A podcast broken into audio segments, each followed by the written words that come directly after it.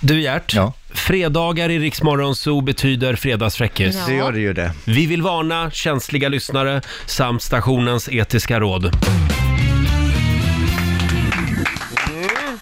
Det var, det var, eh, det var, det, här- det är ju synd om den här killen egentligen. Jaså? Ja, sjöman var han. Nej, men, Jaha, oj då. Ja, Men det är ju mat- spännande, spännande liv. Matros, matros, Ja. alltså.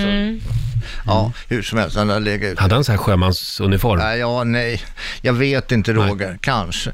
Hur som helst, han har legat ute jättelänge till sjöss. Mm. Och han, han kommer i land och så går han i land och så går han och vankar på kajkanten och så ser han en bar där och så går han in. Och så sätter han sig där, får en pils där.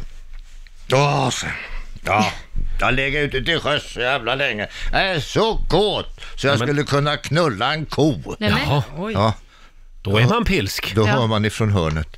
Mu. Ja, ja, ja. Allt går. Allt är möjligt. Det- det- Ska, ska jag ta en till? Ja, en till. Ja, en till då. Det var, det var en, en, eh, en liten kille. Han hade en stora syster. Och, och denna stora syster kommer ut ur duschen med en handduk sådär runt sig. Mm. Jaha, du, säger lilla killen då. Kan, kan, kan du inte visa mig dig naken? Nej, säger hon naturligtvis. Varför, varför ska jag, du har ju sett mig naken jättemånga gånger. Ja, men jag vill se dig naken.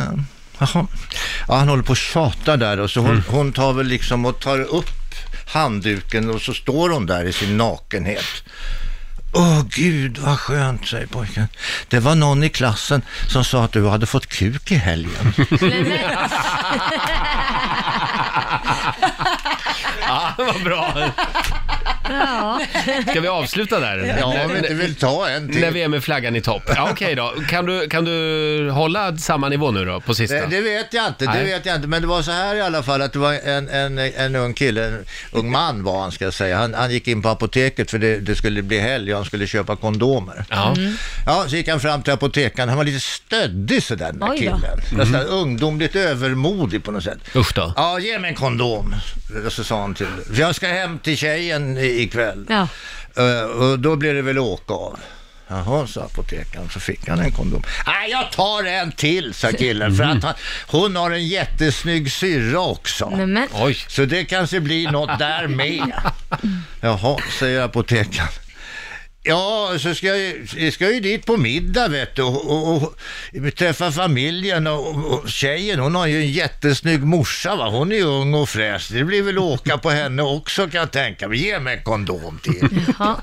Jaha, så han, Han var väldigt, hade de väldigt övertro på sig själv. Fullt upp i helgen. Ja, fullt upp skulle det bli va. Och han eh, betalade och gick lite så här kaxig ut genom dörren.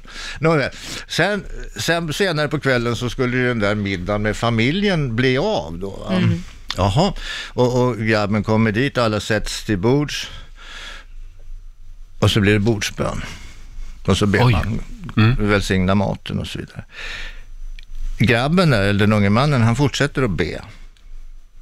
Han bara ber och ber. Han tittar inte upp en gång. Nej. Nej. Och så, säger, så säger hans flickvän, ja men inte visste jag att du var så religiös. Nej, säger grabben. Och jag visste inte att din pappa var apotekare.